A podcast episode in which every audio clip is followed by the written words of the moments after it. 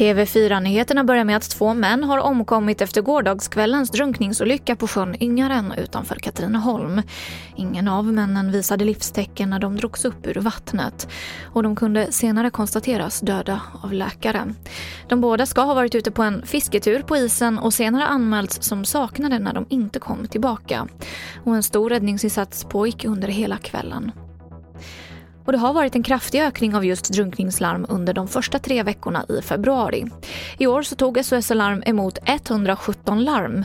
Detta jämfört med 37 samma period förra året.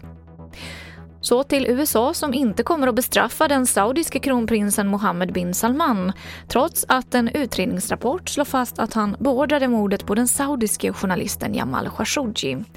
Det här skriver amerikanska medier idag. Bin Salman betraktas som alltför mäktig, rapporterar bland annat New York Times. Och att ge foder till älgar för att undvika viltolyckor har visat sig mycket effektivt i områden med vandringsälg. Och det här prövas just nu på några ställen i Västerbotten. Väster om Umeå så har olyckorna minskat markant. Och mer om detta på tv4.se. Och det var det senaste från TV4 Nyheterna. Jag heter Emily Olsson.